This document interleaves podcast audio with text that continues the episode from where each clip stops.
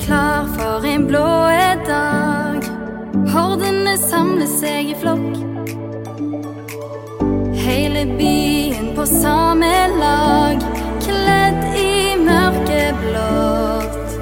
Med viking, hvite og blå, lager fest Hei og velkommen til Vikingpodden oppsummerer 2022 og ser framover del to. I del én fikk du høre våre tanker om vikingåret 2022, og nå følger kåringer og et blikk på det som ligger foran. Da kan vi ta en kåring som jeg i hvert fall har syntes har vært litt vanskelig. Jeg skulle ønske at vi i hvert fall hadde et tydeligere svar, og det var årets gjennombrudd. Og Der har vi fått et innspill da, fra m-marvik, jeg tror det er på Twitter, Instagram. Instagram. Eh, og han mener at Edvin Austbø er årets gjennombrudd. Eh, har du et eh, gjennombrudd du vil dele med oss, eh, Lars? Nei, denne er vanskelig. Um, det, altså Hvem kan det være, da? Det nesten Herman Haugen, men det, det var ikke et gjennombrudd å rope hurra for heller. Markus Solbakken gjør det bra i starten, men faller fall, fall av som resten av gjengen. Jeg vet ikke, Kanskje Edvin Austbø er et, uh, en god, god kandidat, selv om han får ikke et ordentlig gjennombrudd. Nei, og Det er bra du, bra du sier, for jeg, jeg kan ikke være med og sette et stempel på at Edvin Austbø har fått sitt gjennombrudd. Og Det var jo litt tilbake igjen til det jeg snakket om, lokale talenter. Det er, er et steg videre fra å få sjansen til å ta vare på sjansen og etablere deg. og der, Det har ikke Edvin Austbø gjort. Du kan si at Markus Solbakken har gjort det. Eh, men for meg så er det Mai Traoré. Eh, fordi at han ble supporternes store helt. Han var ikke veldig god, men han kom inn, skåret noen viktige mål. Og han, han fikk et gjennombrudd på den måten om at han ble fansens store favoritt, Super Mai Traoré. Så hvis jeg må ha en, så blir det han, men altså ikke av sportslige årsaker. Der er det ingen som fortjener uh, tittelen Årets gjennombrudd. Nei, jeg har heller ingen, og jeg har jo bare notert meg at Daniel Karlsbakk har spilt så mye at man skulle ønske at det var fordi han hadde fått sitt uh, gjennombrudd, men han har jo heller ikke fått det. Men nå, jeg syns du gjennomgående er ganske streng mot Daniel Karlsbakk nå, som er født i 2003, eh, som ikke har spilt noe annet enn på nest øverste nivå. Um, Men jeg er jo ikke Han har jo sittet her hele sesongen og vært kritisk til Karlsbakk, og nei, han har ikke troen på. Så det er det er ikke noen Jeg vet ikke om jeg skal si at jeg ikke har troen på han, men jeg mener jo at de burde jo ikke latt han spille så mye. Det er jo eh, som Var det du som var inne på det, Lars, at noen spillere skal få lov til å gå litt i lære, da? Daniel Karlsbakk er jo en sånn som jeg gjerne skulle sett at eh, fikk komme inn i gjerne i 30 minutter eller en, en hel omgang, andre omgang, fordi Viking hadde vært så veldig gode. Eh, Jeg mener jo at det er veldig mye ansvar som blir lagt på hans skuldre. Så håper jeg at han vokser med det ansvaret, og at han nå da er bedre rusta inn mot 2023. Men, men mitt poeng nå med gjennombrudd var bare at han har jo spilt veldig mange minutter eh, per mål, f.eks. Samtidig så henger jo dette sammen med, med alt. Eh, han er et av de få salgsobjekter Viking har. Eh, hvis Viking bruker han, og han lykkes, så vil verdien eh, gå fra 10-11 millioner som de ikke kan selge for nå, til gjerne 30-40 millioner. eh, 50 millioner hvis han gjør det virkelig bra. Eh, Og den oppsida er Viking dessverre tvungen til å levere på. Eh, og så tror jeg ikke det er bare derfor han har spilt. Han har jo spilt fordi at de har blitt tvunget til det, men òg fordi at de har følt at han er det beste alternativet de, de faktisk eh, har. Men eh, jeg har ennå tro på, på Karlsbakk, eh, må jeg si. Ja. Jeg, er, eh, jeg er enig med deg, Øyvind, at Takk. Mai Traoré tar eh, den, og at vi kanskje kan sitte her neste år og ta Daniel Karlsbakk som årets gjennombrudd. Det hadde vært veldig kjekt, altså. Det, Og det, da spiller Kevin Kamran eh, spiss eh, hele 2023, og så kommer Daniel Karlsbakk inn med noen superinnhopp og blir årets eh, gjennombrudd. Det Ja. Neste. kan jo skje. Neste er årets eh, hodemist. Har du en, eh, en hodemist, eh, Lars? Altså, det er kanskje denne jeg husker Altså, året har jo vært føltes som et stort hodemist, men, eh, men Slatko Tripic i siste kamp mot Odd. Eh, ingenting å spille for, og så kom han inn og, Eller to, faktisk, Slatko Tripic. Han hadde jo en mot. Rosenborg òg. Ja, for det, det er de to. Den ene er da mot Odd, som jeg snakker om, der bare i en duell så bare plutselig tar han nesten nakkegrep og hod, låser hodet til en Odd-spiller under armen, som jeg synes er eh, Ja, rett og slett som han ikke vil ha på fotballbane. Og så står han ja, nei, jeg prøvde å ta tak, og så ble det kanskje litt voldsomt. Så det, ja, den syns jeg var ikke fin, men eh, kanskje mest eh, hjemme mot Rosenborg i sommer, der han kom inn eh, etter å ha vært skada. Så går det fem-seks minutter, eller noe sånt, og så bare meier ned eh, Viktor Jensen, eller hvem det var, på Rosenborg. Jeg, jeg må jo innrømme at jeg er en av de som liker at han gjør det. eh, For det, det viser hvor mye han eh, bryr seg. Og sånne spillere, av og til så blir det litt, litt for mye. Og det ble det jo i dette tilfellet, det er jeg helt sikkert Slatko mener sjøl òg. Men heller det enn at man ikke har spillere som kan gjøre den type ting. Mitt årets hodemist er ikke en vikingspiller. Det er Ulrik Saltnes. Ja. Når han må sette kneet i Kevin Cabran eh, mot, eh, mot eh, Viking. Eh, og fordi at det viser liksom for de sjølgode Bodø-spillerne som liksom tror at de bare skal trumfe gjennom nye ny sesong og bare gå igjennom, og så får de trøbbel på, på, på stadion. Og så må, må han ty til, til sånn et eh, grep. Eh, Det var, det var deilig. altså Selv om det var vondt sikkert for, for Cabran, så var det godt for uh, fotballhjertet mitt. Ja, Gullfinn eh, Stian Refvik eh, dagen etterpå der, for det Han reagerer jo selvfølgelig. Det skjer jo rett med benken til Viking, så alle ser det. Og så springer Refvik liksom sikkert litt utenfor teknisk sone. Så kommer Ulrik Saltnes og holder litt rundt halsen hans. Eh, og dagen etterpå så har han nakkekrage på Helt Discovery er på eh, reportasjebesøk. Helt nydelig. Altså, det, det, var da det var gøy. eh, Det var mye, mye gøy der Ja. Viking vant jo den kampen 2-0. Det var 24. april eh, 2022. Bodø-Glimt sutra sånn nytt på det. var Sånn, ja, hvis det der er rødt kort, så, så var det utrolig mange røde kort der ute. Ja, han, Det kunne jo vært årets uttalelse òg, noe av det Ja han sa. Og han sa jo at han ikke hadde satt kne i ryggen på han, og hva det var. Det var noe Han snubla eller sklei. Ja, det ble litt klønete, eh, liksom. Ja, nei, var, var pinlig. Men han har Skulle sikkert bare ta ballen, og så sklei jeg. Ja, sikkert lært av det, Ulrik Saltnes òg. min uh, hodemist uh, denne sesongen er jo bortekampen mot uh, Rosenborg, og den er det trenerne som har. Da har jo Viking eh, tatt eh, null eller eh, ett poeng eh, i de kampene de har spilt 4-3-3, for det har de bare mista, evnen til å spille 4-3-3. Så skal du møte Rosenborg eh, borte. Du har akkurat spilt, som du sa, Lars, mot Kristiansund borte i kampen før, eh, og tapt. Eh, og da, når du skal møte et hjemmesterkt Rosenborg-lag, da velger trenerne å stille i eh, 4-3-3. Og hvem er det som spiller høyreback? Det er Herman Haugen. Så vidt greit nok, han er en høyreback. Eh, han spiller fra start, men så har de òg Sondre Bjørsol på venstrebekken. Så her, ny konstellasjon. Eh, du har ikke tatt noen poeng med fire bak, og du velger å bare gjøre endringer. Eh, Sondre Bjørsol må spille i en posisjon han spilte i for første gang, eh, i hvert fall denne sesongen. Um, og i tillegg med fire, fire bak mot et eh, hjemmesterkt Rosenborg. Det, var jo, det er jo ikke sjans på å vinne den kampen der. Så det er hodemist fra, um, fra trenerne, som ikke bruker spillerne der de er vant til å spille.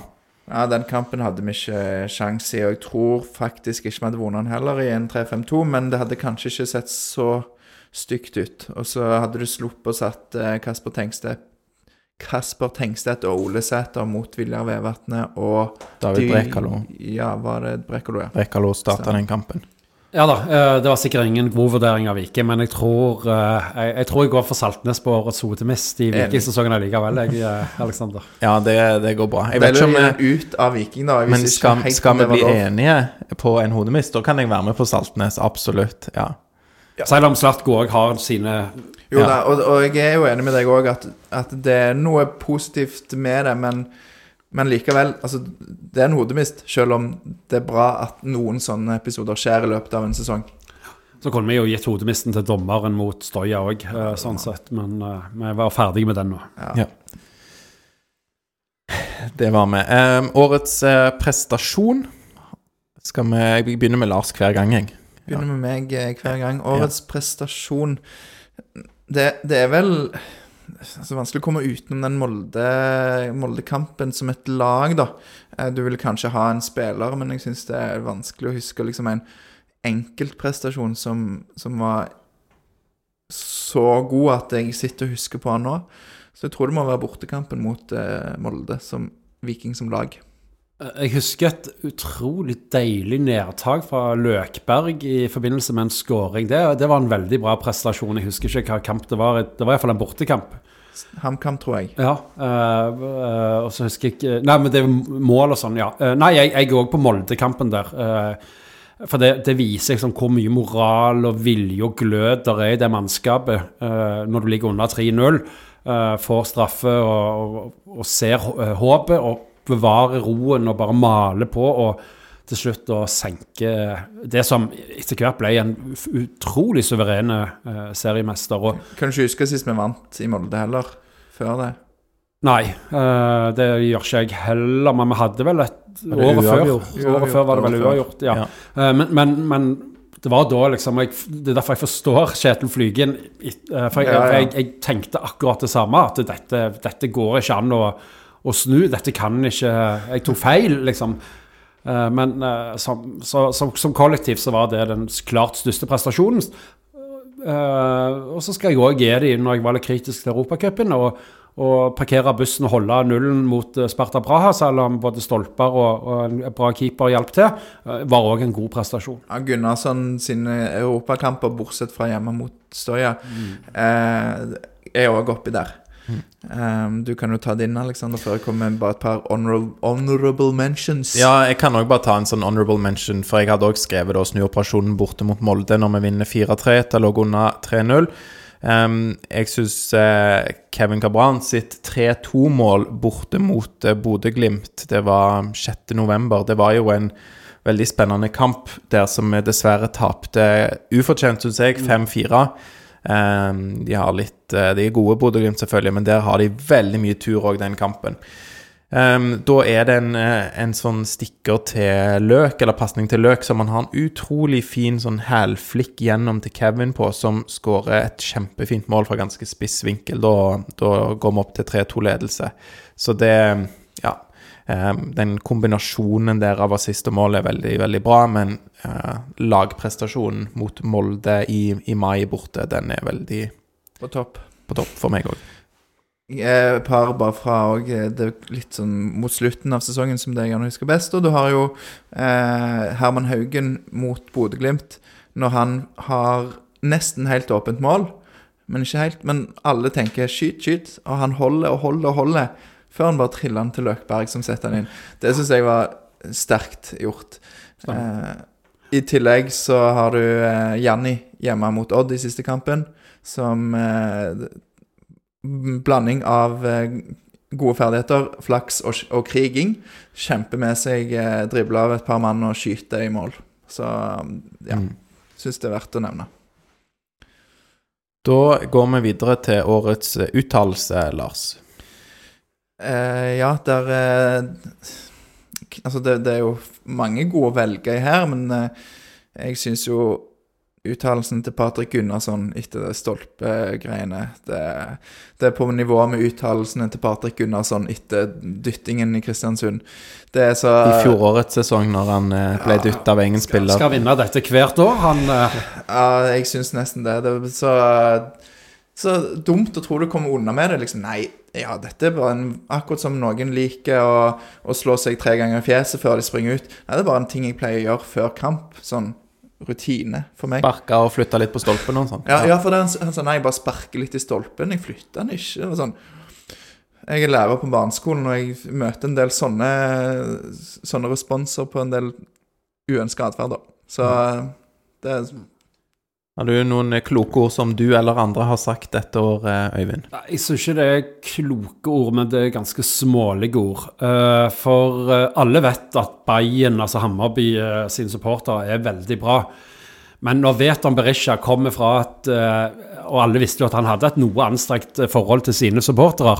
Men når Viking Altså, det koker 16. mai, det koker i Europacupen, og det første han sier når han kommer til Sverige, det er liksom at eh, supporterne her er så fantastiske.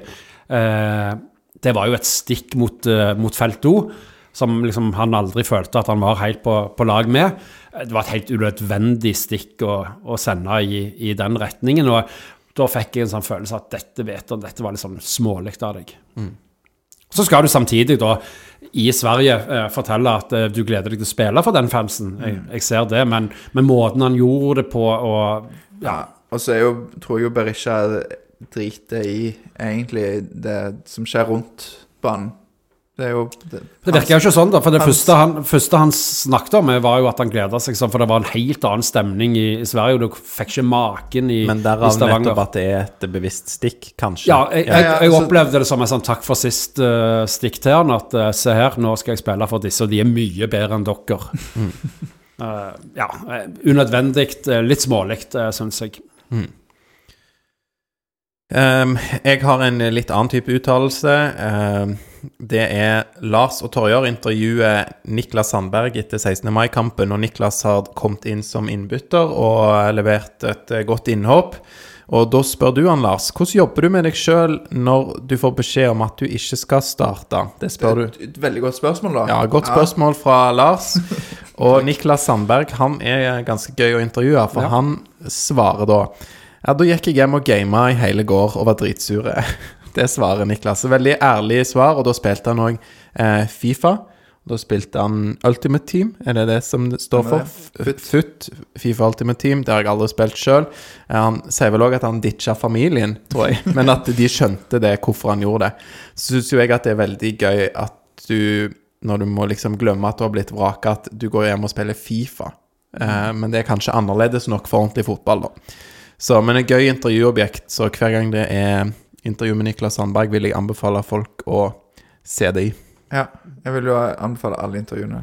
Ja, men eh, spesielt Niklas. Han er, en, han er en gave utenfor banen, og så har jeg veldig tro på han ennå, at han skal bli en gave på banen òg. Det er et eller annet uforløst der som eh, jeg håper vi kan få, eh, få se i full blomst i 2023. Årets eh, Skal vi ta mål før vi tar årets øyeblikk? Ja, det kan vi gjøre. Årets mål for meg, siden jeg pleier å få begynne eh, når du eh, kjører showet her, Alexander, så vil jeg si Rolf Daniel Vikstøl eh, hjemme mot Den headingen Ja. ja. ja, hjemme mot Tromsø en 18. september, tror jeg. Det kan vel stemme. Kan være det. Ja. Eh, med et godt innlegg fra skuttet. En fin bue over i lengste. En veldig verdig kandidat. Du nevnte Kabrans mål mot eh, Bodø-Glimt eh, til, til 3-2. Jeg syns det frisparksmålet hans mot Bodø-Glimt er så limt oppe i krysset. Og jeg er en sucker for eh, gode frisparksskåringer. Det er vanskelig å gjøre den bedre, så jeg, jeg går for Kevin Cabran sitt eh, nydelige frispark i Bodø. Eh, jeg må faktisk si meg eh, enig med deg, eh, Øyvind, der Igjen. på, på 4-2. Har jeg sagt meg enig med deg før? Ja da, hele tida. Gjennomgående begge, så det er hyggelig å bidra. Ja, ok, men det er bra. Nei, jeg eh, Nei, jeg vil også, eh, altså Den kommer høyt på min liste òg, så det er helt greit om det blir årets mål. Eh, ja, hvis vi for, skal bli enige. for jeg eh, har jo, som du var inne på, sett både på 3-2-målet og 4-2-målet der, eh, som eh, Kevin Kamran skårte oppe i eh, Bodø i november. Og den, eh, det frisparkmålet der Jeg tror ingen tar det, liksom. Ingen, ingen keepere i hele verden. Det er helt Det er så eh, limt som det går an. Ja. Eller som kommentator sa, ja, den er ganske Ganske bra plassert. Nei, altså, den er, det går ikke an å lime den mer i, i, i Mm. krysset enn en han gjør der. Og det er bra fart på det òg, så det er prikkfritt. Veldig god, god kamp av Kevin Cabran, som eh, egentlig kanskje hadde en litt sånn motsatt eh, formkurve eh, av Viking. I hvert fall til en viss grad denne sesongen. Han var, var god innimellom når Viking ikke var så god. Men, men i klassen liksom Tommy Høiland mot Ullkisa, viktig mål, så var jo det skuddet til, til Vilja Vevatnet i, i en situasjon hvor Viking måtte opp og fram og liksom ikke klarte å skape noe, så fikk de, fikk de den utligninga der. Mot Sparta Praha. Ja. Det var utrolig viktig at han prøvde slegga der. Det er at et godt skudd, ja. Det var en ting, men at det, måten det kom på òg, da. Det var jo ja. Mm. Slegga til Vilja, det, Eh, årets eh, øyeblikk, eh, Lars. det er fra samme kampen som Viljar sitt mål, men det er ikke Viljar sitt mål. Det er jo da eh, 2-1-skåringen til Mai Traore. Eh, hjemme mot Sparta Praha i returoppgjøret som sikrer Viking avansement i, i eh, Conference League, der alle har liksom innstilt seg på at nå blir det ekstraomganger. Det er fantastisk bra, Viking har klart det. Og så kommer det målet. Eh, det var så euforisk stemning på stadion at det var Ja. Ja, helt rått. Det er jo, virka jo som habile forsvarsspillere der de hadde spart Sparta bra, men så kommer denne blemma. For meg så er det igjen noe vi har snakket om tidligere. Det er i det sekundet Nei, det er i det sekundet dommeren, som jeg ikke husker navnet på, blåser straffe mot Stoya. Det er sesongdefinerende eh, øyeblikk, eh, dessverre. Så hvis vi kan ha årets øyeblikk òg i negativ forstand, så er det altså det som er Dessverre da blir eh, enden på visa årets viktigste øyeblikk. ja sesongdefinerende.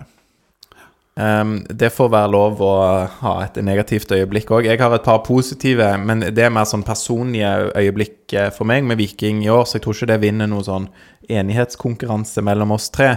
Men ehm, for meg så var det helt rått eh, borte mot eh, Rosseland når eh, Edvin Østbø, Østbø, skårer 4-0-målet for Viking. Ehm, han har vel kommet inn som innbytter, og så er det noe med hvor vi står og ser dette målet. Han, han skjer inn, og så limer han det et skudd opp i eh, vinkelen. Og hvis det blir litt for små forhold for folk, da, så er det òg veldig høyt oppe på min liste, denne 5-1-kampen hjemme mot Sligo. Da skårer jo òg Edvin Austbø 5-0-mål på lignende vis. Kanskje enda finere det mot Sligo Rovers, og selvfølgelig bedre motstand. Det var jo et eneste stort Altså Det var et kjempelangt øyeblikk, da den Sligo Rovers-kampen. Det var ikke sånn ett øyeblikk i den kampen, men hele den kampen var jo en fantastisk opplevelse.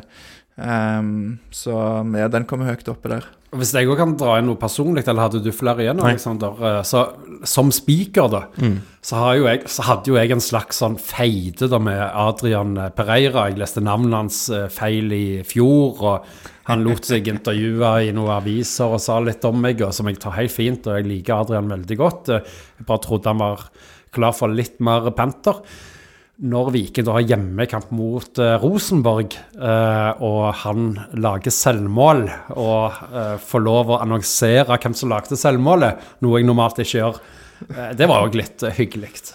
Eh, må jeg få lov å si. Beklager, Adrian, men Ja. jeg liker deg veldig godt. Jeg er bare et par andre òg, så jeg kan bare gi noen honorable mentions her òg. Kjør på, Lars.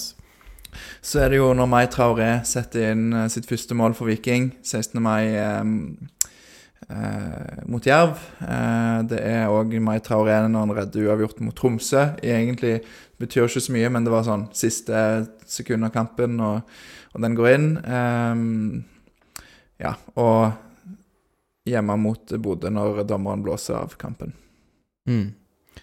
Det støttes, men jeg tror jeg holder en knapp på det første du nevnte, em, når vi vinner mot eh, Sparta Braha hjemme. At det er i hvert fall i, i, hvert fall i positiv forstand Ja, da ja. er årets eh, øyeblikk. Ja, for det er så, det er så komprimert, det er så mye som altså, det, I og med at det er så seint i kampen òg, det Ja. Er helt klart eh, øverst på lista. Um, årets eh, spiller, Lars. Ja ehm, Her har du jo noen kandidater. Eh, I Vikingpodden sin kåring, det har vi ikke avslørt, men der vant eh, David Brekalo den som årets spiller. Eh, men jeg har litt sånn Og jeg vet at mange ikke er enig med meg, men, og jeg vet at han ikke har vært knallgod, men det er bare noe med Viljar Vevatnet. Han skårte det målet, og han har fått så mye drit og har kjempa knallhardt og gitt alt hele sesongen og er vikinggutt, så bare sånn Litt nesten sånn av hjertet så vil jeg gi den til han, selv om eh, kanskje prestasjonene ikke ja, tilsier det. Dere er veldig glad i Viljar Vevatnet i eh, denne poden. Det, det skal dere ha for, eh, og det er bra. Han eh, er en fantastisk fyr og trenger den støtten. Var, var god spesielt i europakampene, kanskje. Eh, ja. eh, og, og gjør jobben stort sett alltid. Uh, men men jeg er jo en av de som mener at han, han nok bør være en utfordrer mer enn et fast innslag på et lag hvis Viking skal være helt oppe. Men for meg så er det åpenbart at Veton Berisha er Vikings beste spiller i 2022, enten vi liker det eller ei. Åtte mål, fem målgivende. Instrumental for den uh, tida når Viking var gode. Uh, det er ingen som når han til kne nå engang. Jeg har òg notert det samme som deg. Jeg liker å være enig med deg, Øyvind. Jeg Ja. har notert òg på banen. Altså hvis man da sant, kun ser på det som har skjedd på banen, så er det vanskelig å komme utenom vetoen. Og hvis man har lov til å trekke inn det som har skjedd utenfor banen, så er han jo ganske langt eh, nede, da. På den lista over de eh, årets spillere. Ja, da, og, og årets spiller det er jo ikke, heter jo ikke årets beste. Eh, så det er jo litt hva du legger i det, da. Eh, Mai Traoré kom òg høyt på den lista for min del, men eh, På- Som årets beste spiller. Nei, Nei. så ikke som beste, men som Ja, spiller. som- årets som liksom spiller. Årets profil, liksom. ja, eh. ja. Hvis det er litt sånn åpent definert. Ja. For Årets profil er jo Stian Refvik, da, etter den eh, ja, seansen. med etter den kragen. videoen vi lagde men Nei. Ikke, nei, OK. Eh, Ja, Ja, det- det var jo òg hyggelig å se hvordan det var på det, det innerste. Men eh, nei, jeg står veldig hardt på Veton, og hvis du var enig, Aleksander, så Ja, han har jo Han er jo Dessverre, holdt jeg nesten på å si, da. Han, siden han har forlatt oss, han er jo den som skiller seg mest ut, ja. Eh, Han er det. Så årets eh, beste spiller på banen, Veton Berisha. Ja. Så er det jo fint, for David Bricalo har jo vunnet den kåringen. Uh, Ja, men jeg kan jo bare si det, da. At den kåringen Lars sikter til, er jo um, en sånn eh, undersøkelse vi sender ut, der folk kan stemme på årets beste spiller. Men da var det noe krav til å ha spilt uh, om det var halvparten av kampene eller minst 20 kamper eller noe sånt, som gjorde at man ikke kunne stemme på Veton Berisha, Sebastian Sebulonsen og, og noen til, da, selvfølgelig, som ikke har fått nok kamper gjennom sesongen. Jeg tror ikke Veton hadde vunnet blant supporterne heller, og iallfall ikke i, i disse tider, hvor det viser seg at den overgangen til Hammarby fort bare var et sånn Andrus Velika-move fra, fra Molde for å plassere han der fordi at Viking ikke ville selge han til Molde. Får ikke håpe at det er sånn, men hvis det er det som nå skjer eh, at, at han skriver under for uh, Molde, så, så, så gleder jeg meg til å være spiker på Viking-Molde-kampen. For det, der kommer det til å bli hett rundt ørene til, til Berisha. Ja, jeg mener jo igjen at, eh, som jeg mente før Brannkampen, når Veton spilte der, at det, det verste for han hadde vært hvis bare ingen brydde seg om at han var her. Ja, Der er jeg uenig. Jeg liker at det skal være pipekonserter mot, uh, mot spillere som man Ja, og det, det kan du Jeg tror eh, Jeg syns jo det er noe gøy med det òg, men jeg, for hans del, jeg tror han òg liker det. Ja, det er jo utfordringen. Ja. men eh, det, Adrian Preira liker det jo òg, men eh, det ga oss jo et selvmål, så vi kan jo håpe han òg får en overtenning. Ja.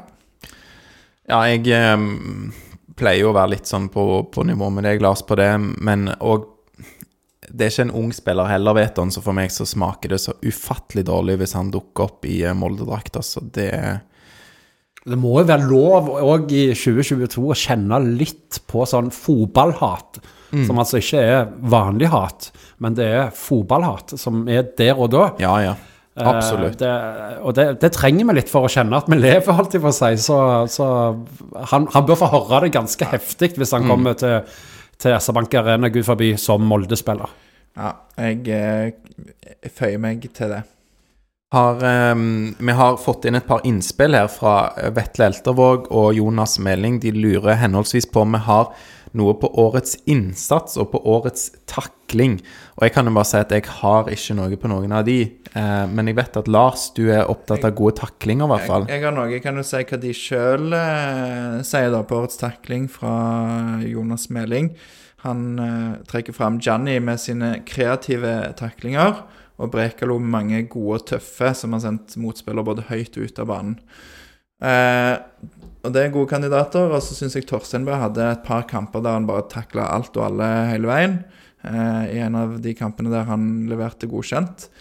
Eh, og så var Diop hadde I kampen mot Molde så hadde han en veldig god takling på for Fofana, der han løper han opp og liksom tar en avgjørende sklitakling. Så det, jeg så på noen eh, utsnitt av de tingene jeg hadde notert meg på Diop, og tenker han kan bli veldig god hvis han bare får litt mer struktur. Men det siste var om Diop, at han òg har noen Ja. mm. Kan bare si det skyte inn at jeg er veldig imponert over duellspillet til, til Brekalo når du får han eh, gjerne når en lag pumper opp eh, sånne halvlange baller til midtbanen, og det er Brekalo som er i de duellene, da da mm, har ikke motstanderlaget sjanse ofte. Og det var vel òg med, med Fofana mot Molde, som du òg poengterte, at jeg merka meg det. At det, i, i de fasene av spillet, da, så jeg klarer jo David Brekalo å eie de aller fleste. Og så er dessverre han eh, Datro Fofana veldig god eh, i andre deler av spillet, der han igjen eier i alle fall Johnny Stensnes og sånn. Så ja. Ja.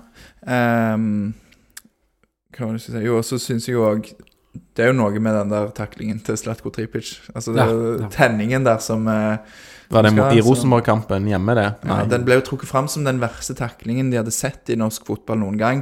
Det syns jeg var veldig overdrevet, for den var tøff. Åh, de snakker store ord eh, på TV. Ja, Kom inn på sida der. Det, det var mye følelser, og det, det gjorde at den taklingen ble noe uh, verre. Men det er klart, det var jo et rødt kort. Ja, men hvis du syns det er noe av det verste du har sett, da får du gå på YouTube og se på litt uh, flere taklinger. Ja. Eh, årets innsats, eh, der trekker Vetle Eltervåg fram eh, Mai Traoré, tror jeg. Nå forsvant den for meg, men jeg tror det var Mai Traoré som gir alt, og som, som fører til faktisk òg en del skåringer og noen, noen poeng, i hvert fall, eh, i en mager sesong. Mm. Så um, ja, syns jeg det er en god kandidat. Jeg syns òg eh, at eh, eh, Ja, Løkberg eh, kunne fått, men òg eh, ja, Viljar Veivatnet På innsats. på innsats. Ingen kan ta den på det.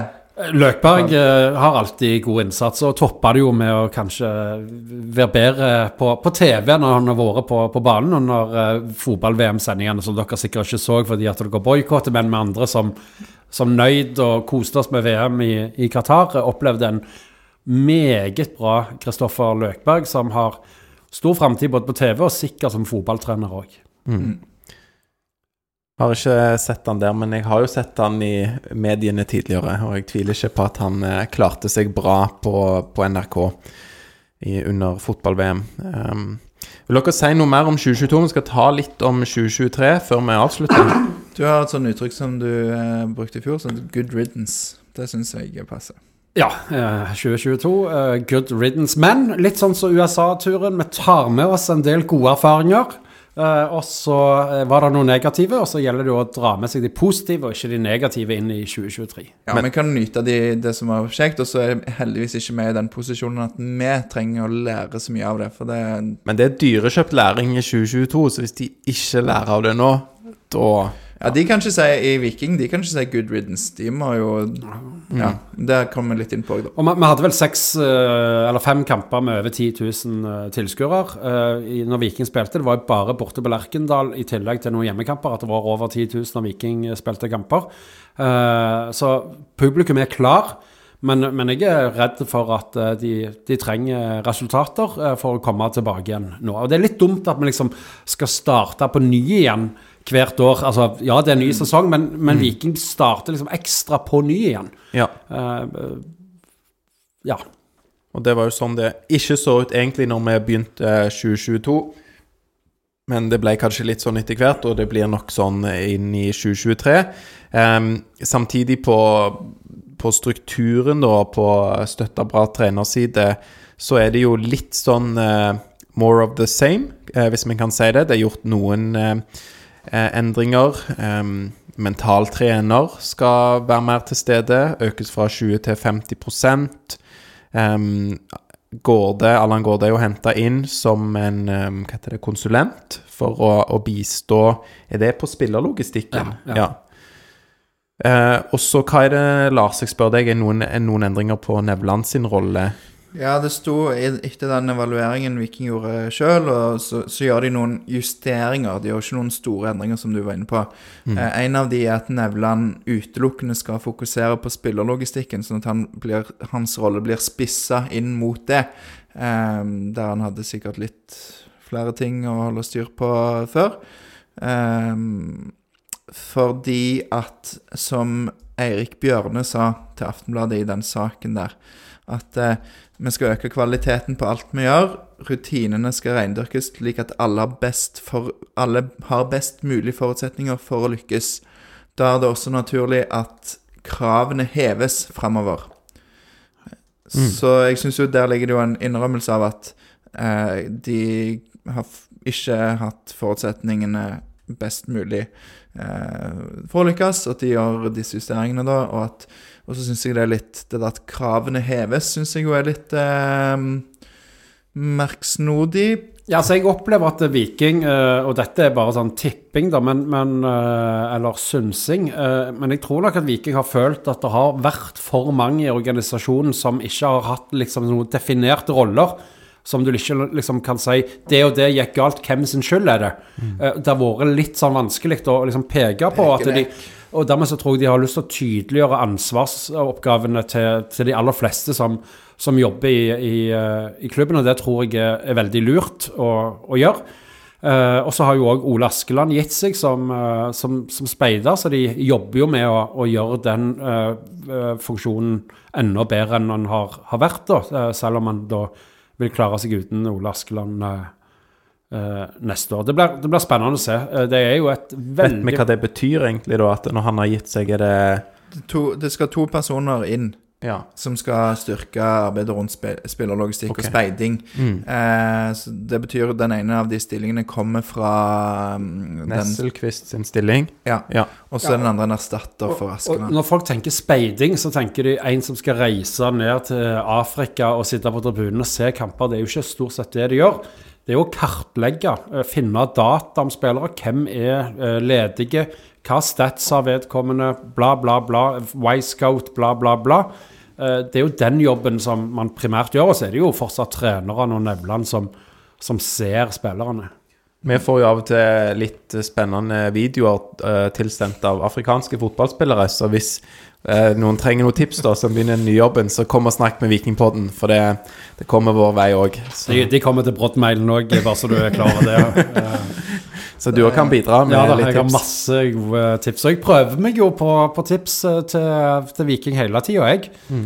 Så jeg fant så Jeg må få lov å si det. Jeg fant tre år gamle SMS-er som jeg hadde sendt til Morten Jensen, hvor jeg anbefalte å plukke opp Sander Kartum fra Stjørdals Blink. Og nå ser jeg at de endelig har begynt å bevege seg i den retning. Så Morten, du må, hvis du hører på, så må du uh, lese de nøyere, de meldingene for meg. Kan jeg bare spørre, da, Øyvind, er det sånn at du har eh, sendt 28 andre SMS-er med navn vi aldri har hørt om? ja, ja da, I den samme SMS-en så var det en liste med 50 andre navn. Ja, det skal sies at det har vært noen bomskudd fra, fra meg òg, men uh, sjøl blind høne finner korn, er det noe som heter. Og, han der ja. Jeffy uh... Ja, OK. Ja. Nei, men han fikk jo kontrakt, da. Det var ja, ja. skader som gjorde at han ikke ja. slo hjemme. Ja, Nei, det var, det var synd. Han var, han var en artist. Og jeg gir meg, ennå ikke på Stian Michaelsen i Egersund. Jeg mener, selv om han har ett år igjen av kontrakten, jeg mener faktisk at Viking nå bør gå og hente Stian Michaelsen fra Tasta, som spiller i Egersund. Han ser veldig spennende ut nå i Egersund. Ja, det er forskjell på andredivisjon og Eliteserien, men jeg er helt sikker på at en voksen Stian Michaelsen hadde klart å uh, bidra på dette Vikinglaget. Og der bør Viking kjenne sin besøkelsestid. Han var kant, han var ikke det? Stemmer det. Han er, er venstre kant, ja. ja venstre kant. Ja, OK. Eh, vi kan ta bare bitte litt på det etterpå. Men først eh, det at han Bjørne sier at kravene skal heves. Eh, det høres ut som at eh, det er en sånn Hvis det ikke blir bedre, så må noen gå. Selvfølgelig. Ja. Mm. Sånn skal det jo være i Viking. Det er en underholdningsbransje. Du kutter folk fra forestillinger på Rogaland Teater og i konserthus hvis de ikke trekker folk og de ikke gjør det bra for bedriften. Eh, det vet eh, både trenere og, og andre, at de, de, kommer ikke til å være der til de er pensjonister, og de er der så lenge uh, vikingledelsen kan forsvare å ha de der. og Sånn må det være. Mm. Men Har det vært for lett? Altså Har de fått sluppet for billig unna, da? At det liksom ja, nå, nå hever vi kravene. Det, det, var greit at dere holdt på sånn i år, liksom. Altså, skjønner, du hva jeg, skjønner du hva jeg spør om? Om det har vært den uttalelsen tilsier jo det, men det er jo ikke sikkert at um, vi skal lese det helt på den måten. Og du sa noe om å, å tydeliggjøre roller, og at med de tydeligere rollene så blir kravene òg tydeligere. Men eh, ja, det er jo det er jo et betimelig spørsmål, Lars, når det har vært så begredelig i 2022. Og det er har åpenbart svikta, da, både rundt spillerlogistikk og på banen. og um, så jeg vet ikke, jeg. Kravene burde jo egentlig kanskje ligge fast, mens eh, straffen burde bli litt tydeligere definert. Uh, ja, straffen er jo sparken. Ja, det var det jeg ja, mente. Ja. Mm. Uh, men, men, å diskutere trenerne, hvis det var det du la opp til, Lars, det syns jeg er helt sånn ja, altså ellevilt. Uh, de har jo tatt Viking på en evigvarende opptur. De har vært med under Bjarne. Vi må huske hvor man kom fra. men årets, det de har levert i høst, Eh, er jo ikke godt nok til å få for, altså Leverer de sånn uh, neste år, så rykker jo Viking ned og er, er båndlag.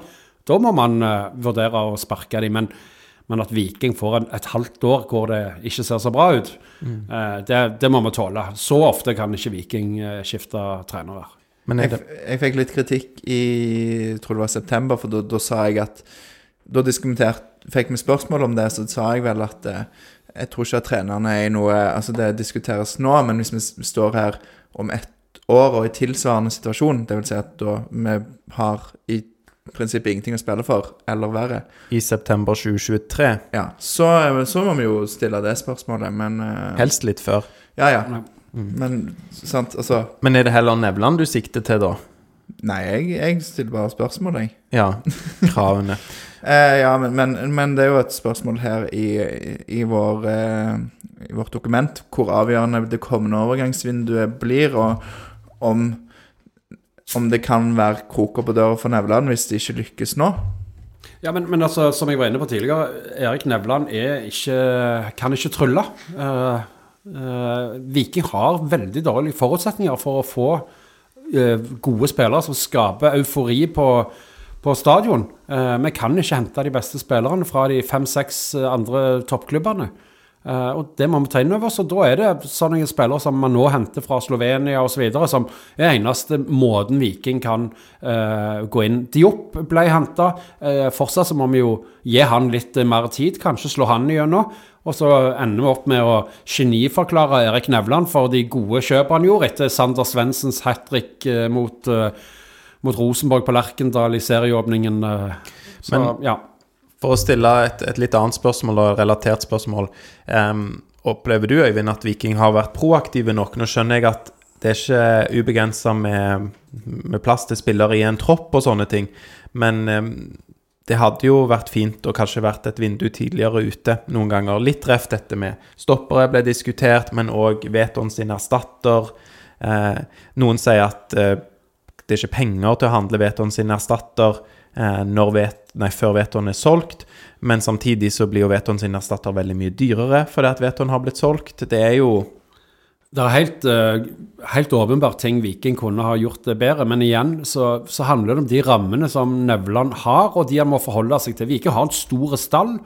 De, det de har vært dårligst på, mener jeg, da, det er å bli kvitt spillere. Altså, og det er en viktig jobb i logistikken å sørge for at spillere du sjøl ikke lenger føler du har bruk for, eh, faktisk blir solgt, eller du i det minste får frigjort eh, lønnsmidler. Eh, og det er jo en stor utfordring for Viking, og det er gjerne- der de burde ha vært enda bedre. Og så er det ikke lett å bli kvitt en Fredrik Torsteinbø, f.eks., uh, som, som trives her. og Nå hørtes det litt brutalt ut å bli kvitt han, da, men når han ikke spiller, så er jo det en spiller man sikkert skulle heller sett spilte i en annen klubb, selv om man eh, er glad i Fredrik Torsteinbø. Eh, og du har mange andre av den typen som han sånn sett da har arva med seg, og med de føringene han har fra, fra styret om ansvarlig drift, så, så, så, så blir det vanskeligere for en sportssjef uansett om det heter Erik Nevland eller noe annet. Eller Alexander Reinertsen. En dag, en vakker dag. Ja, ja. Eh, du får sikkert lov å være med og prøve ei uke. Så tipper jeg eh, arbeidsuka. Det, der, der har vi et prosjekt, Alexander. Skriv det ned. eh, i Jeg vet ikke om jeg noterer meg ned det, Lars. Jeg har, Det hadde faktisk vært veldig gøy, òg for meg, å liksom fått være med ei uke og, liksom, og hørt liksom hvordan de tar eh, Hvordan de jobber, rett og slett. Mm. Jeg vil heller i eh, analyserommet med Pål Fjelde. Nå har jeg hørt at de har ikke noe analyserom, da, men de har en analyselaptop. Ja. Så eh, ei uke eh, ved siden av Pål Fjelde eh, heller enn å følge Erik Nevland på jobb, for min del. Det, det er du bare 52 uker. så Da det- kan du bare komme opp til spikerbua, for han sitter jo i- rett på sida av meg. Eller ikke rett på sida av meg, men i naborommet. Eh, og det, han jobber i et febrilsk tempo underveis i første omgang og markerer, og så tar han med seg PC-en ned, og så går han og snakker med, med trenerne. Det, det er avanserte greier. Så skal du, Alexander, sitte ved siden av. Hva gjør du nå, Pål? Hva? Hva gjør du nå? Hva er Ja, det dette blir nok godt mottatt. Men eh, sånn helt seriøst så har, har jo Pål sagt at han skal komme i podden i januar. Vi jobber med å spikre dato, så eh, stay tuned for det. Det tror jeg kan bli veldig interessant. Det, det, Det tror jeg absolutt det, det blir. Eh, Um, lytterspørsmål her, vi har vært litt inne på det. Det er Øyvind Fuglestad på Twitter. Han spør burde vi svelge kameler og sprenge vips for å hente You Know Who hvis han blir tilgjengelig. Uh, det gjør vondt å tenke på han i Molde-drakt, sier han. Og der har han lagt inn et litt sånn gøy uh, ordspill, for han vil jo, lurer jo på om You Know Who skal gå til Moldemort Hvis noen følger meg på den. Men uh, ja. Det var ikke mitt ordspill, men Den syns du var gøy, Eivind. jeg syns det, var- det var veldig gøy. Ja. Eh, jeg forsto det ikke så godt, jeg. Jeg er ikke sånn Harry Potter-fyr. så Jeg forsto det var Harry Potter. Altså. Ja, ja, Det ja, Ja. Vet du om You Know Who er god eller ond? Uh, nei. Han er ikke så god. Så, nei, ja, nei, så, nei jeg, jeg, Star Trek, Star Wars og Harry Potter det, Ringenes herre, ingenting av det er, er min greie. Men eh, nei, jeg vil jo ikke at han skal til Viking igjen. Jeg tror ikke noen i Viking tror det er realistisk. Jeg vil ha han eh, eh, Jeg vil ikke ha han på SR Bank Arena i det hele tatt, verken for Viking eller Molde. Fortsetter karrieren i Sverige, han. Ja, Ja. ja. det tror jeg, håper jeg at han gjør òg. Han Ja. har jo litt å bevise der etter å ha gått en rekke kamper uten skåring. Ja, det ville vært eh, Nei, det er ikke noe kjekt å tenke på. Men kan jeg få lov å si noe når vi sitter her nå? For jeg sjekka Twitter rett før jeg kom, og da var det altså en eller annen figur uh, som hadde meldt på Twitter at han hadde møtt Veton Berisha uh, på en sportskafé da, og liksom skjelt han ut. Og der tenker jeg det er lavmål.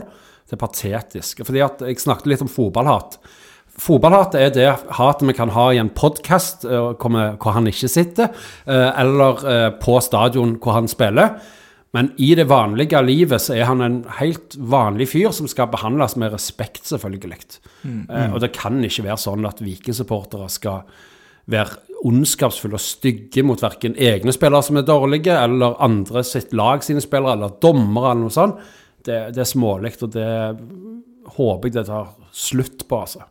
Ja, jeg så den samme tweeten når det skrev at det kom vakter før, altså, før det skjedde noe mer omtrent. Så virka nesten Ja, virker godt over eh, en grense, da, som du sier. Og eh, du trenger ikke å, å være eh, sånn overhyggelig og blid med han du, hvis du treffer han, men, eh, men det er jo en, som du sier, en helt vanlig person som, eh, som lever sitt liv utenfor banen på samme måte som vi lever våre liv utenfor. Jeg skal slenge ut en liten brannfakkel som en leveregel. Man trenger ikke agere på alt man føler på. Nei, nei. Rett og slett. Det, og- og- tenk litt på den. Ja. Og, og sånn er det jo for eksempel eh, fra Jeg driver jo med, litt med politikk òg.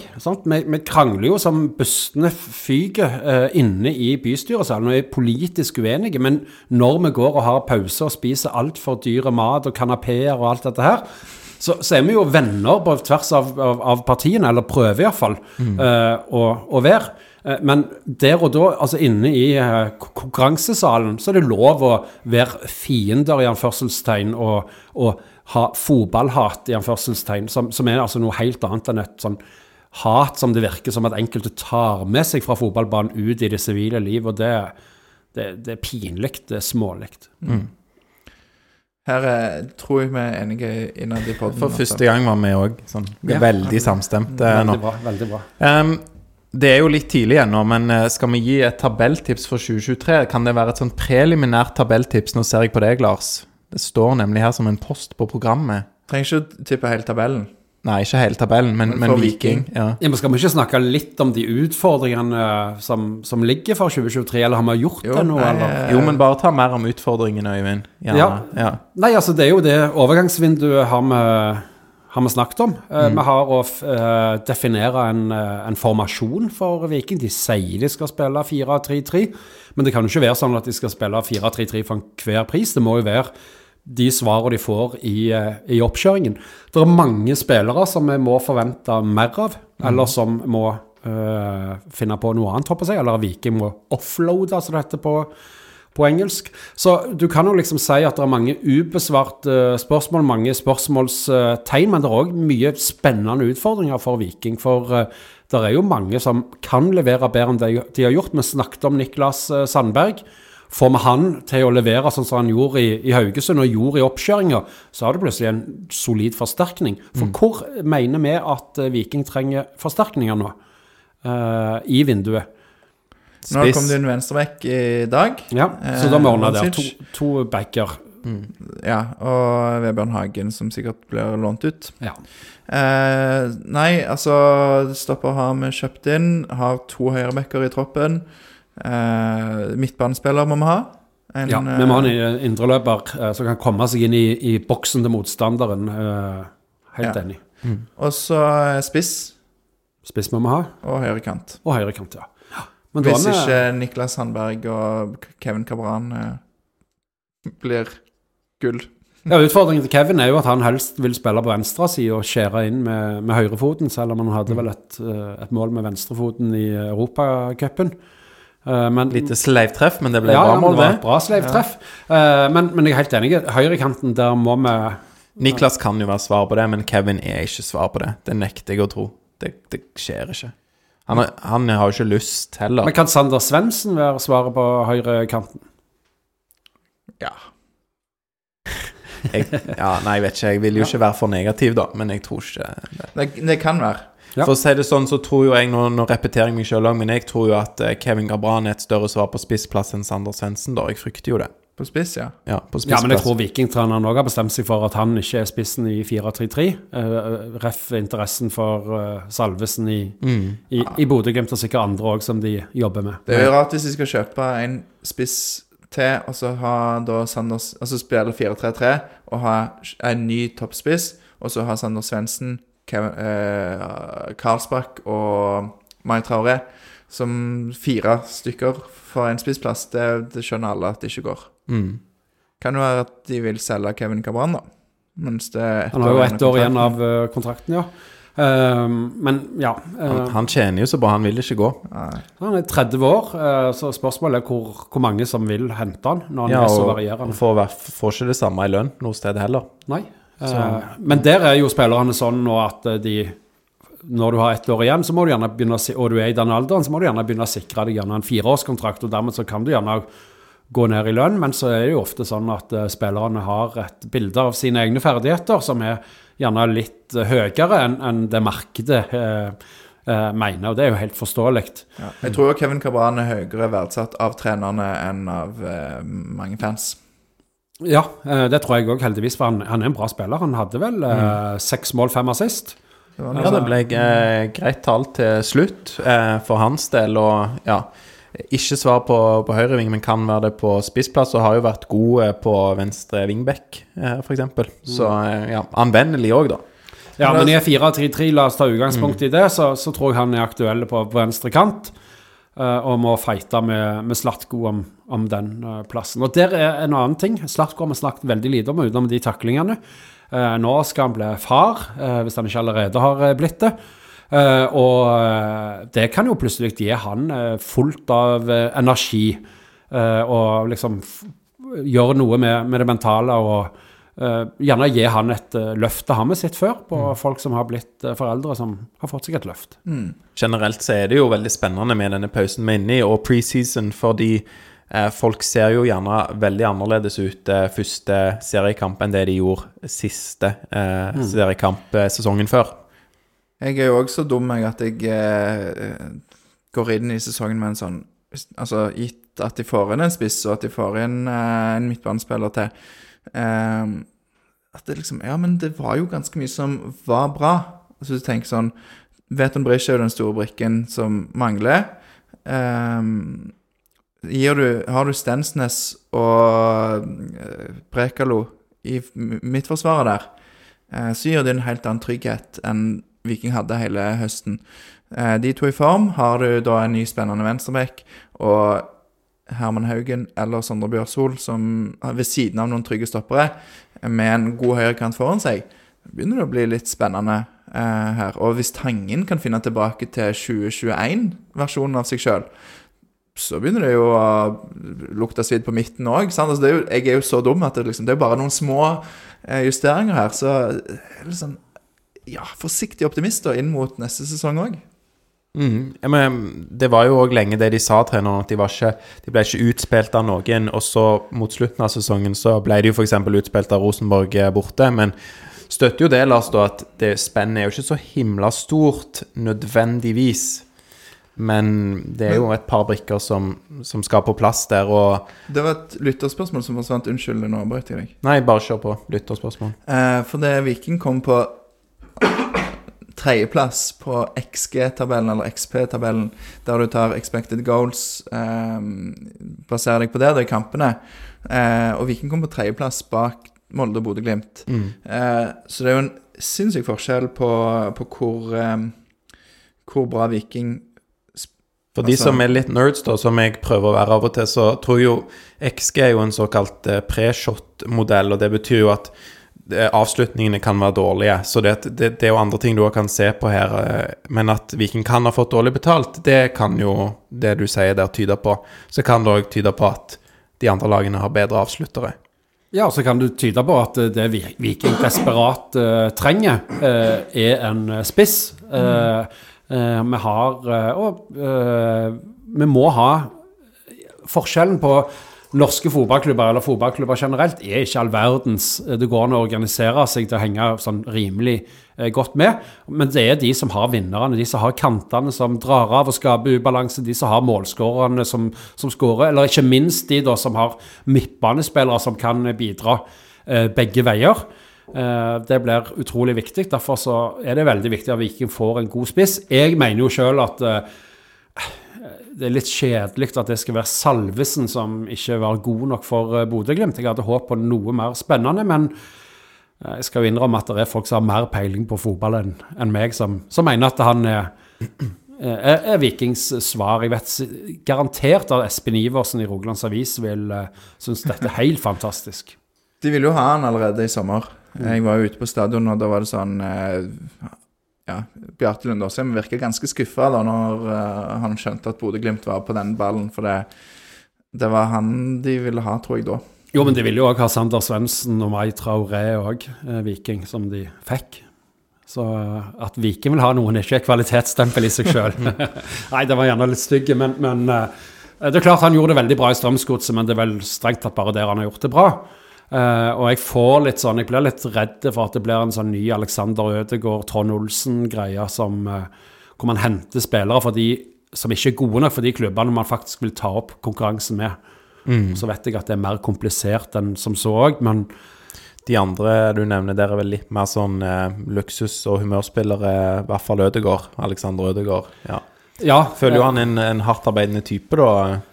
Eh, Ja, ja, ja, og eh, flotte type. Eh, Jeg ser jo at damene på, på stadion er veldig fornøyd med den overgangen, eller den mulige overgangen. Det har ikke jeg fått med meg, men det var hyggelig. Jo, Med hestehalen der og manbun eller hva det er for noe, så, så tror jeg det er mange Kan øke antallet kvinner. og Det må jo Viking kommersielt òg vurdere inn- inni dette. Men jeg er òg litt sånn skeptisk til en spiller som vet liksom for flere uker siden at Viking er enig med Bodø-Glimt. Og så er han på en ferie på Gran Canaria, eller hvor det er, og så har han ennå ikke blitt enig med Viking. Da er det liksom sånn Ja, jeg må overtales til å komme til Viking. Da får jeg en sånn ah, Vil vi ha deg? Ja, for akkurat det reagerte jeg på. For når vi har snakket med trenerne og sånn før, så er det det er en ting som er viktig, at de må ville det. De må ville spille for Viking. Det skal være så viktig for dem. Så er det ikke akkurat de signalene Salvesen har gitt til nå, da. Ja, og det har vi jo sett før, òg, at de er nødt til å kompromisse på, på disse tingene, særlig når man er, er mindre attraktiv. Det er klart at Viking òg var en mer attraktiv klubb eh, forrige eh, januarvindu enn det de er nå. Så ja. Men, men jeg tror allikevel at de står seg på å, å gå på den linja som de sa de skulle ha. At de vil ha spillere som har drøm om å spille her, eller iallfall som ser dette som en veldig stor mulighet for dem. Som sikkert han slovenske venstrebacken uh, gjør. Eh, framfor å ha en spiller som helst ville spille i Bodø-Glimt for å komme seg ut til, til utlandet, og så må ta et steg tilbake igjen og tjene OK bra, da, men være i Stavanger som man ikke har helt tro på. Ja, men jeg tror, jeg tror jo at de vil gi det en sjanse til altså de, Nå har de ikke prata med han ennå, trenerne sikkert. sant? At de vil selge inn sitt prosjekt, og at de da håper at det kan tenne lysten hos Salvesen sjøl. Eh, for hvis han ikke har lyst, så kommer han jo ikke. Det må, det, altså, ja han jeg er, kan ikke forstå noe annet. Og jeg er helt sikker på at trenerne har snakket med han allerede. Eh, de hadde ikke Altså via via, i alle fall, men jeg tipper de òg har snakket med han sjøl.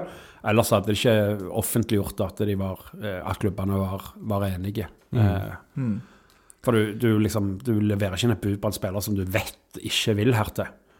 Kan jeg bare eh, spørre dere kjapt om en annen ting? Eh, bekkene eh, våre Nå er jo den eh, nye bekken Urbancic kommet, og eh, så har vi Sondre Bjørsol og Herman Haugen på høyrebekken, og så er det Shane Patinama den andre venstrebekken. Jeg- Og Vebjørn Hagen. Vebjørn Hagen, som du ja, nevnte. Lars kanskje da ligger i kortene at han skal ut på lån nok en gang.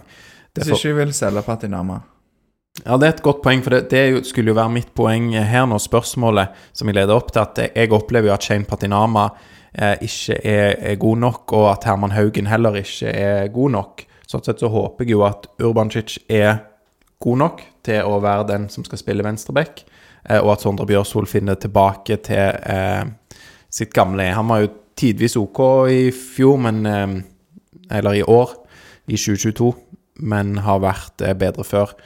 Eh, følger dere meg på denne? Ja, eh, en skadefri uh, Sondre Bjørsol, en klassespiller i Eliteserien ennå, mener jeg. Uh, han uh, har vel de beste både styrke- og hurtighetsresultatene på Vikings interne tester. Han bidrar kanskje ikke nok offensivt, men bra offensivt. God defensivt, så, så der er jeg trygg. Venstrebekken er et åpent Jeg skal ikke kalle det sår, men iallfall et spørsmålstegn. Og så er vi veldig avhengig av at, eh, at stopperne eh, holder seg eh, skadefri. Det kan jo òg være, selv om jeg tviler på det, at man gjerne ser for seg å prøve Stensnes lenger oppe på midtbanen. Det snakket man jo om tidligere, hvis Diop og Brekalo klarer å lage et godt partnerskap. Men de er godt rusta der, så bekkene er et store spørsmålstegn. Ja, jeg håper jo at de, dette løser det venstreback-utfordringen. Eh, må vi jo tro, når de har valgt å gå for han. Men jeg litt tak i det som du sier med Stensnes på midten. Fordi det var jo snakk om eh, rett etter sesongen, eller det, før sesongen slutta, at eh, Viking så på muligheten for å hente tilbake Pereira og Bell. Og nå har du henta en venstreback, så da renner Pereira helt ut av bildet. Ganske sikker på at Joe Bell ikke kommer, men Joe Bell er jo ikke en indreløper som går inn i boksen. Er, er, det, en, er, det, et er det et tegn på at de leter etter en, et alternativ til um, Solbakken som anker?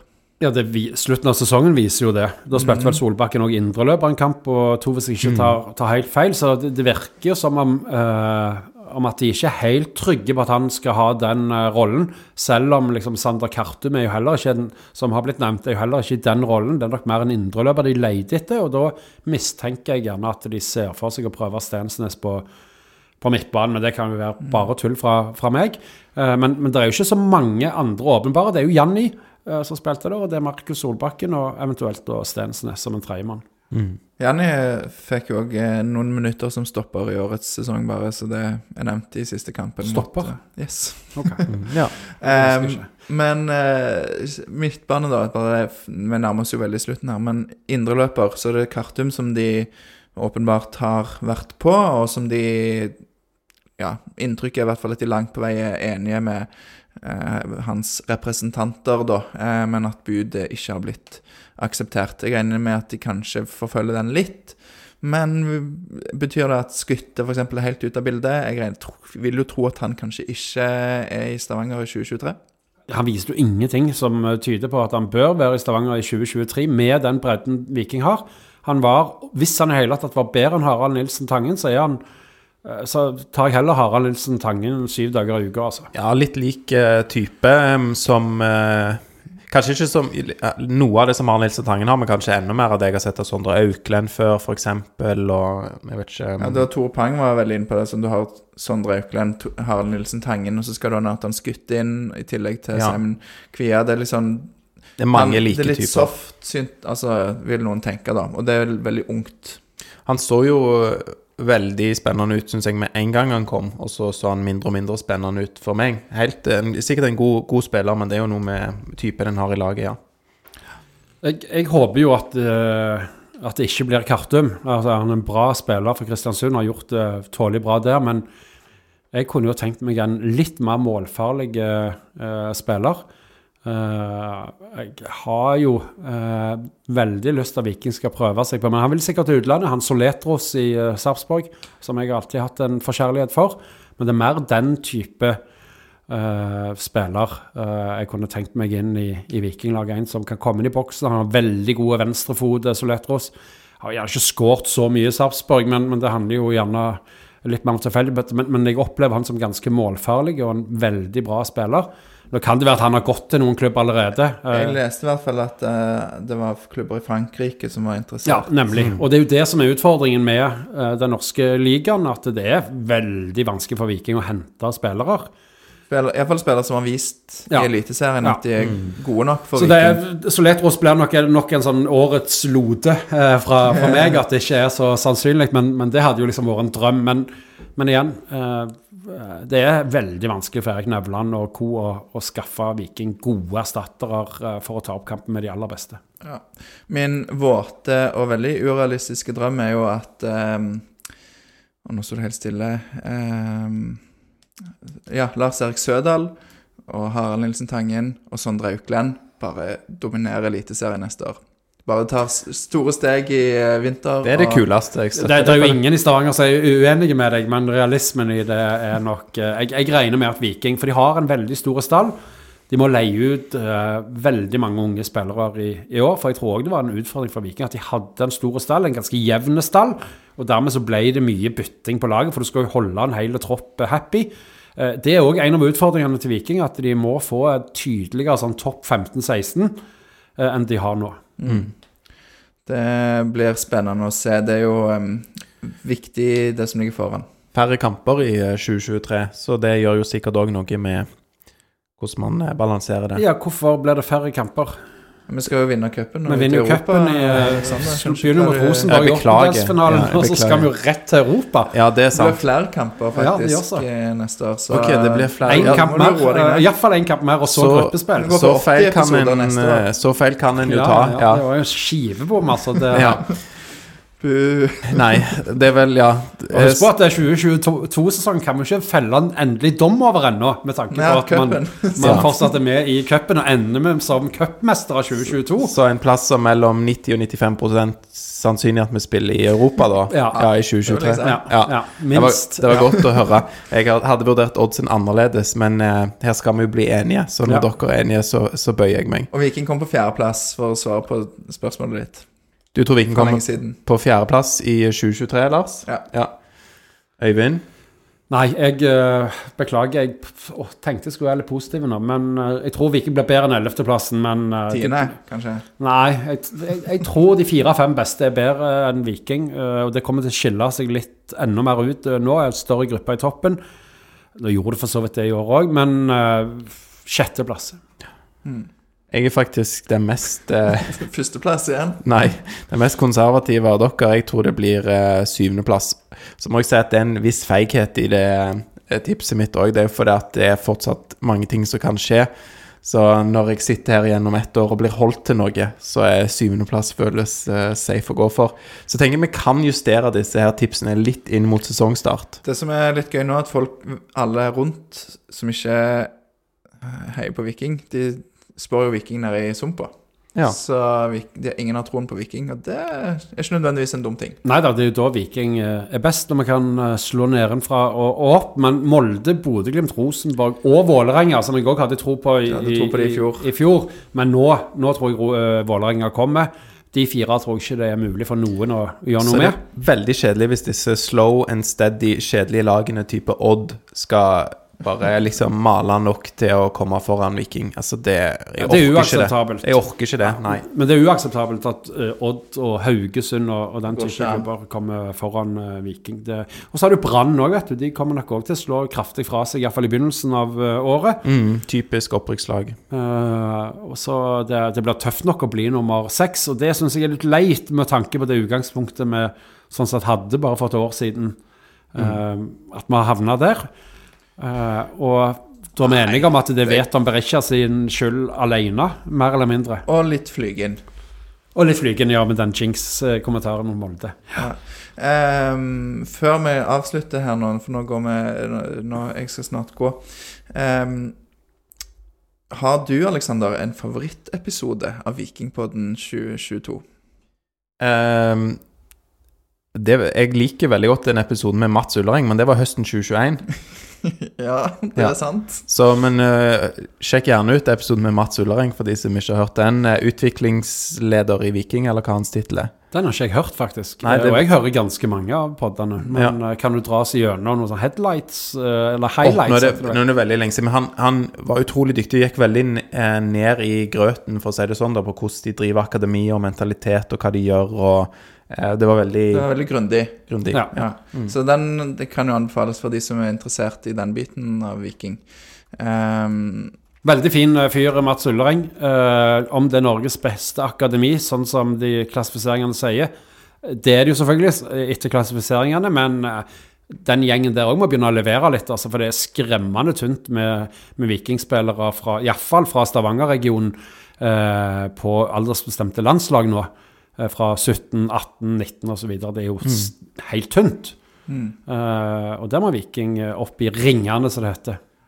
Episode 44 med, med Mats eh, fra 2021. ja. Det er gode episoder i 2021 òg, med Thomas Breira episode 40 og Joe Bell i episode 38. Og I det hele tatt mange gode Så, fra den sesongen. sesongen. Det vi sier her nå, at òg podden var bedre i 2021 enn i 2022, for her er det bare ja, 2021. er minneverdig for meg. Jeg, jeg skal Du kan få tenke litt på i år, Alexander. Jeg stiller samme spørsmål til deg, Øyvind. Du hører jo sikkert ikke alt, men du har sikkert hørt noe. Eh, ja, jeg har hørt veldig mange, men jeg, eh, jeg klarer liksom ikke å dra fra, eh, fram én eh, som jeg syns var eh, sånn veldig bra. Jeg, jeg syns jo det er bra når dere har forskjellige gjester i eh, studio, og gjerne òg folk som bare er vanlige supportere, eh, som dere har hatt. eh, som har vært ukjente folk eh, for meg, og som har hatt eh, litt andre perspektiver på, på ting. Eh, så det syns jeg er bra. Det må dere fortsette med. Ikke bare bli topptunge med, med stjerner som meg. Ja.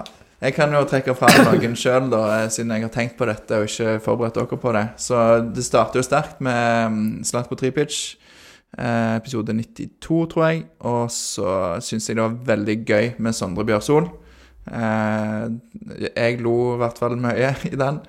Og eh, kanskje min favorittepisode noen gang, eh, Erik Johannessen. I, eh, Klassemann. i begynnelsen av mai 2022. Det en historieforteller av rang. Absolutt. Har dere hatt Ingve Bø her? Eh, Nei. nei, det burde dere jo gjort. Altså. Ja, det, det, er jo en, det er jo en fyr som virkelig melder hvis han får en mikrofon foran seg. Han er ikke så bra på tastaturet, for han skriver jo bare med én finger. Så det går jo veldig treigt, men eh, han har en fin tone med disse sure supporterne som jeg tipper alle over 60 år. Eh, men eh, bak en mikrofon tror jeg han vil eh, gjøre det veldig bra. Det var vel jeg som anbefalte dere Sondre Bjørsol òg, så vidt jeg husker. Han har blitt anbefalt av veldig mange, okay, ja, Eh, så vi hadde høye forventninger, og jeg syns han leverte. Så jeg kan ikke ta en sånn Kartum-ære på, på Bjørsol. Du kan, nei. men Ja. ja. Hvor, hvor mye sannhet er det? det Ja, nemlig. Jeg kan svare litt når jeg bare så kjapt, Lars, mens du Etter du spurte, da. Jeg kan jo si jeg syns det var veldig gøy å lage episoden fra vi begge to var i Irland, episode 132, Ja, som heter Destination Sligo. Eh, episode 132. Jeg vet ikke om den står seg så veldig bra, men jeg tror den er litt kul og annerledes. Og den er gøy på YouTube. Ja, gøy på YouTube. Den, den må ses på YouTube. Der har vi filma veldig mye. Så sjekk ut den for de som har lyst til å se på noe òg. Og så tror jeg òg med tanke på overgangsvinduet at det kan være kult å høre episode 139 med Erik Nevland.